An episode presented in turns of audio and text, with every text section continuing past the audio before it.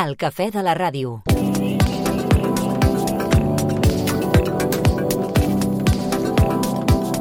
I continuem en clau sanitària perquè a Sabadell s'han confirmat una seixantena de casos de tosferina des de principi d'any, segons les últimes dades facilitades per l'Agència de Salut Pública de Catalunya, aquesta emissora. Uns casos confirmats que en el cas del Vallès Occidental s'enfilen als 140 des de l'1 de gener passat, amb brots en diverses escoles de Cerdanyola i també Terrassa. Però per què ha tornat a ressorgir una malaltia contra la que estem vacunats? Li preguntem a aquesta hora al pediatre infectòleg del Taulí, el doctor Valentí Valentí Pineda. Molt bon dia, doctor. Hola, bon dia. La malaltia va experimentar un pic l'any 2015 i va tocar fons durant la pandèmia. Per què ara hi ha aquest repunt de casos? Bueno, la, la malaltia és, és una malaltia que està eh, ocasionada per una bactèria que es diu Bordetella i aquesta bactèria fa petites mutacions adaptant-se a la pressió que rep de les vacunes, dels antibiòtics, i de forma periòdica tenim brots. Vam tenir un d'important el 2015 i ara ens toca doncs, aquest del 2023-24, que hi ha un augment important de casos. Què és exactament la tosferina? La tosferina és una malaltia infecciosa provocada per una bactèria que es diu Bordetella pertussis i que fa una infecció de vies respiratòries i que té la característica que la tos és molt intensa, Uh, com més petit és el nen, més, més greu, entre cometes, i més intensa és la tos, i és la típica tos que, que acaba amb un gall final, amb certa dificultat al final de, de cada crisi de tos, i l'altra característica important és que aquesta tos pot durar de dos a tres mesos, amb la qual és, és complicat, complicat conviure amb tosferina. I després també hi ha la, la part que és un quadre molt diferent, que és en menors de dos o tres mesos de vida, que pot donar un quadre greu d'infecció respiratòria, amb insuficiència greu, que una mica per aquest va ser el motiu de que vacunem mares embarassades perquè aquests primers mesos no puguin agafar la, aquest quadre, que és molt més greu que la resta d'abans. Per tant, amb tot això que ens explica, podem afirmar que és una malaltia greu? Li pregunto perquè també s'ha generat una certa alarma no?, al voltant d'aquest repunt dels contagis. Bueno, a veure, no sé què entenem per greu. No, no és una malaltia greu, no és una malaltia que mata, no és una malaltia que acostumi a ocasionar ingressos als pacients que, que la tenen. L'única quadre, l'únic quadre greu és en els aquests menors de dos o tres mesos que des de que vacunem a mares embarassades, ara ja fa gairebé 8 o 9 anys, en principi ja no veiem. Vull dir que el que veiem són quadros de tos prolongada, molt molesta, i que realment pues, dona preocupació, però no en el sentit de, de gravetat, de que hagi d'ingressar a l'hospital o, o pugui inclús haver-hi un, casos d'èxitos, no. I com es contagia? Quan, qualsevol malaltia respiratòria eh, amb el contacte de, de la saliva, de les gotes, del parlar, el mateix que hem pres amb el Covid, que és una malaltia respiratòria típica, però exactament igual, no poder no és tan contagiosa com altres, com, com altres virus, una bactèria que no, no és tan contagiosa, però realment és, és per contacte directe entre persones que tenen la bordetela al coll saber que aquesta bordetela, en principi, si donem antibiòtic, està com a màxim 5 dies al coll de les persones i si no donem antibiòtic pot estar fins a 2 i 3 setmanes, amb la qual entenem que si no tractem el contagi durarà molts dies, fins a 3 setmanes. Per tant, eh, quins símptomes ens han d'estar fer en alerta, diguéssim, eh, i per tant, quan hem d'acudir al metge? A veure, això és una pregunta complicada. Uh, eh, és tos. Eh, en principi, la tos es pot degut a mil, a mil causes, des d'un refredat, una faringitis, una bronquitis, hi ha una sèrie de, de causes que, que poden donar tos una tos intensa. El que sí que demanem amb la tosferina, sabent que hi ha un grup, però que no serveixi per sempre, és ara perquè hi ha un grup, un brot important, quan hi hagi una tos intensa que acaba eh, amb un gall final, que és amb, amb, amb, amb crisis, amb accessos, que el nen tos dura poder 30 segons, un minut, està sense tossir una hora i torna a fer crisis, doncs hem d'anar al pediatre una mica perquè, perquè diagnostiquem la malaltia, la tractem i evitem el contagi. Aquesta malaltia, quan més tardem a fer el diagnòstic, ho podem fer-ho per la PCR, com més tardem, més difícil és trobar la bordetela. La bordetela va desapareixent mica en mica i si anem tard, doncs, en principi ja no la diagnosticarem i ja no podrem fer però el tractament preventiu, que és el que estem intentant fer a tots els casos índex. No? El que passa que no, no anem d'anar al metge per, per gravetat, sinó perquè ens ho diagnostiquin, perquè ens diguin si realment podem tenir una tosferina, tenim una bronquitis, tenim una altra cosa, i amb això pues, poder, poder actuar perquè ens comentaven des del Departament de Salut que precisament la tosferina és una d'aquestes malalties que quan hi ha un cas s'ha de, de comunicar. Precisament entenc que és uh, pel fet que sigui tan contagiosa, no? Bueno, no, no, no, no només per això, és una malaltia immunoprevenible. Això que vol dir que és una malaltia que hi ha vacuna. Totes les malalties que tenim vacuna acostumem a aconsellar la declaració obligatòria. Per què? Perquè ens poden informar sobre el fracàs d'una vacuna o sobre que una vacuna ja no està tan anant bé com fa uns anys, oi? amb la qual les malalties immunoprevenibles acostumen a ser declaració obligatòria per tenir un control de l'efectivitat de les vacunes que posem a la canalla. Quan es posen aquestes, aquestes vacunes? Perquè es posen a la canalla, però també, com comentava, a les dones embarassades per cobrir aquests primers mesos de vida del nadó. Sí, es posa uh, juntament amb altres vacunes, amb una vacuna que es diu hexavalent, uh, als 2, 4, 11 mesos de vida i després un record als 6 anys. I després es posa a totes les embarassades a partir de 27 setmanes de gestació. Ah, per què diríeu, hi ha algun motiu, potser no, eh? però pel fet que l'àrea de Sabadell i també del Vallès Occidental estigui sent una de les més afectades ara per aquest grup de tosferina? Bueno, necessitaríem tenir les dades àmplies d'altres territoris i saber quantes proves demanen. O sigui, una de les coses que, que fa que una malaltia es diagnostiqui més o menys és dependre de les proves PCR que es fan als serveis d'urgències o als ambulatoris.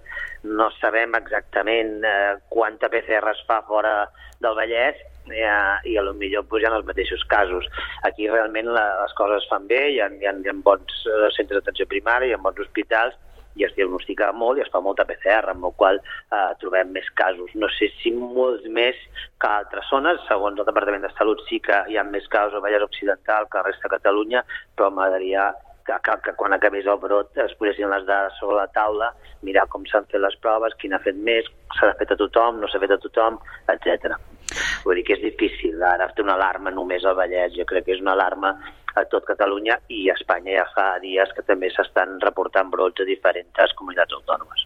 Dèiem que són casos que majoritàriament per la seva situació arriben a l'atenció primària perquè no són casos greus, però a les urgències del taulí també tenen constància que hagin arribat casos de tosferina? Sí, sí, no. el problema que tenim és que les urgències de caps de setmana eh, gairebé només hi ha, la pediatria només estan a l'hospital, vull dir que els pacients venen a l'hospital a vegades amb coses que podrien atendre's a primària, però realment pues, depèn urgències perquè és l'únic punt d'urgències que queda pues, a les nits i als caps de setmana. Però bueno, eh, ja estem acostumats i es veuen casos no greus a urgències de pediatria, com a qualsevol hospital pediàtric, i per això també diagnostiquem nosaltres dos ferines a l'hospital, tot i que ja et dic que no ingressa pràcticament ningú. Pel que fa a la resta de virus respiratoris, després del pic de fa unes setmanes, ara mateix com està la situació al taulí? Bueno, la resta de virus no seria la paraula perquè és, el bordetella és una bactèria, és una infecció bacteriana. Si ara anem a parlar de virus, pues anem a parlar de virus que és absolutament diferent a, a lo que és tosferina, mm -hmm. que és una bactèria. ¿vale? Uh, els virus a què et refereixes que, que hi havia cada any, com grip, com uh, el virus incitial respiratori, i els últims anys Covid, pues, tot ha baixat pràcticament ja estem a, a, a llindars de fora d'epidèmia en aquests moments. Per tant, no és una bona notícia perquè això vol dir que les urgències de, del taulí respiren més tranquil·les, eh? Bueno, sí, sí, en principi, eh, quan ha infeccions respiratòries, eh, al haver-hi menys hi ha menys demanda. Però ja et dic, la demanda és tan, tan important que, que quan no es ve per una cosa es ve per una altra. Aquest cap de setmana hem fet forces visites a pediatria del taulí eh, i en teoria pues, és cert que no hi ha masses virus, però realment els centres d'urgències en principi pues, es queda gairebé unificat a, a l'hospital a zones on hi ha un hospital pediatre com el nostre i els que de setmana doncs, s'omplen d'urgències de, de pediatria. La immunització contra la bronquiolitis en parlàvem fa uns mesos també um, i comentava que havia ajudat molt a reduir doncs, a, els ingressos a conseqüència d'aquest virus. La tendència es manté i, per tant, ja es pot afirmar que és, una, és un fàrmac que, mm, evidentment, eh, doncs, efectiu Bueno, és tremendament efectiu. Jo crec que és una de les coses que s'han fet a pediatria més importants els últims anys. Penseu que entre octubre i gener de cada any, a febrer, en principi el 50% dels ingressos als hospitals pediàtrics eren per bronquiolitis. Això ho hem disminuït un 85-86%. Si imagineu-vos que eh, 86% del 50% dels ingressos és, hem tingut unes hospitalitzacions a UCI, a planta de pediatria al Taulí, però hem estat ara a unes reunions a altres comunitats autònomes presentant dades i ha passat a tot arreu, o sigui que ens hem estalviat un 40% d'ingressos globals a pediatria eh, tant a UCI com a, com a, com a hospitalització ha sigut espectacular. O sigui, les dades així macro eh, hem baixat un 80 i pico per cent les bronquiolitis per virus incitial a la planta i un 80 també per cent a les UCIs, vull dir que ha sigut una mesura impressionant. Ah, per tant, eh, podria ser també doncs, que altres comunitats autònomes agafessin el guant no? de, del que ha fet Catalunya per primer cop aquesta, aquesta temporada, aquesta campanya de, de grip i de virus respiratoris i implantar també aquest, aquest tipus d'immunització. Bueno, aquesta immunització està implantada a tot Espanya, tot, tot Espanya ho ha fet. Vale? Hi ha hagut alguna petita diferència, alguna comunitat autònoma ha començat un pèl més tard, alguna pues, ha fet a la població, una mica menys població, però tot Espanya ha posat l'anticòs monoclonal, el Fortus, als seus nens, als menors de 6 mesos, tots. I pel que fa a la vacunació de la grip, ha repuntat una mica perquè també en parlàvem i dèiem en, en els nens no ha funcionat.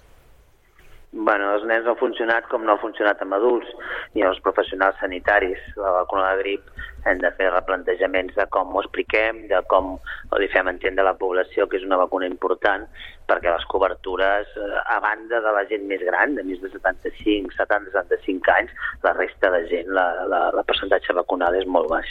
Pediatria era el primer any que ho fèiem, vacunant nens sants de 6 mesos a 59 mesos, encara no tenim l'experiència i tampoc la població no té coneixement de que és una bona vacuna per nens sants també, però bueno, la, en global la vacunació de la grip fora de, de la gent de més de 70 anys ha sigut baixíssima a, tots, a totes les poblacions. Eh? I això podria incidir, haver incidit també en el fet d'aquest repunt de, dels casos durant l'hivern o no? No, perquè això és un tema que tenim sempre. I, de fet, la grip per nens no havíem vacunat mai. Vull dir que no, mai no havíem vacunat de nens. Les cobertures amb adults i amb professionals sanitaris sempre han sigut molt baixes, amb la qual eh, tenim de sempre.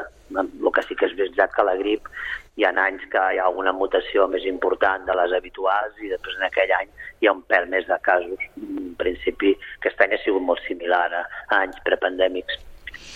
Per acabar, doctor Pineda, a l'hivern ja fa baixada, o això sembla, eh, vivim en una primavera permanent, però bé, oficialment hi entrarem al mes, al mes que ve. Uh, hem d'esperar alguna, alguna altra onada de contagis per virus respiratoris o podríem donar ja per tancat? O sempre es pot sí. dir, mai es pot dir no? Home, amb el que ha passat els últims 3 o 4 anys no podem dir no a res, mai. eh? I a més tenim una, una experiència, mala experiència recent, no? Uh, en teoria, si, si tornem a, anys prepandèmics, s'hauria d'haver acabat però uh, sempre amb la, amb la incògnita de, de què passarà. Tenim un virus nou, que ja ho sabeu, que és Covid, en principi, i aquest virus per ara fa més gairebé dos anys que no, que no fa cap mutació important i, i ens té bastant tranquils, però no sé, si algun dia fes una petita mutació i tornés a ser més agressiu, ens pensem que no, perquè jo crec que s'ha instaurat a la població i un virus quan s'instaura a la població baixa la seva agressivitat, uh -huh. és un virus més normal perquè també li interessa que, que pugui viure amb els humans i no, i no vol matar-los a tots. Amb la qual pensem que no, però sempre m'interrogant després d'haver tingut una pandèmia espectacular com hem tingut aquests últims anys. Doctor Pineda, gràcies per posar avui una mica de llum al voltant de la tosferina i els altres virus respiratoris. Gràcies i bon dia. Bon dia, que vagi bé, gràcies. El cafè de la ràdio.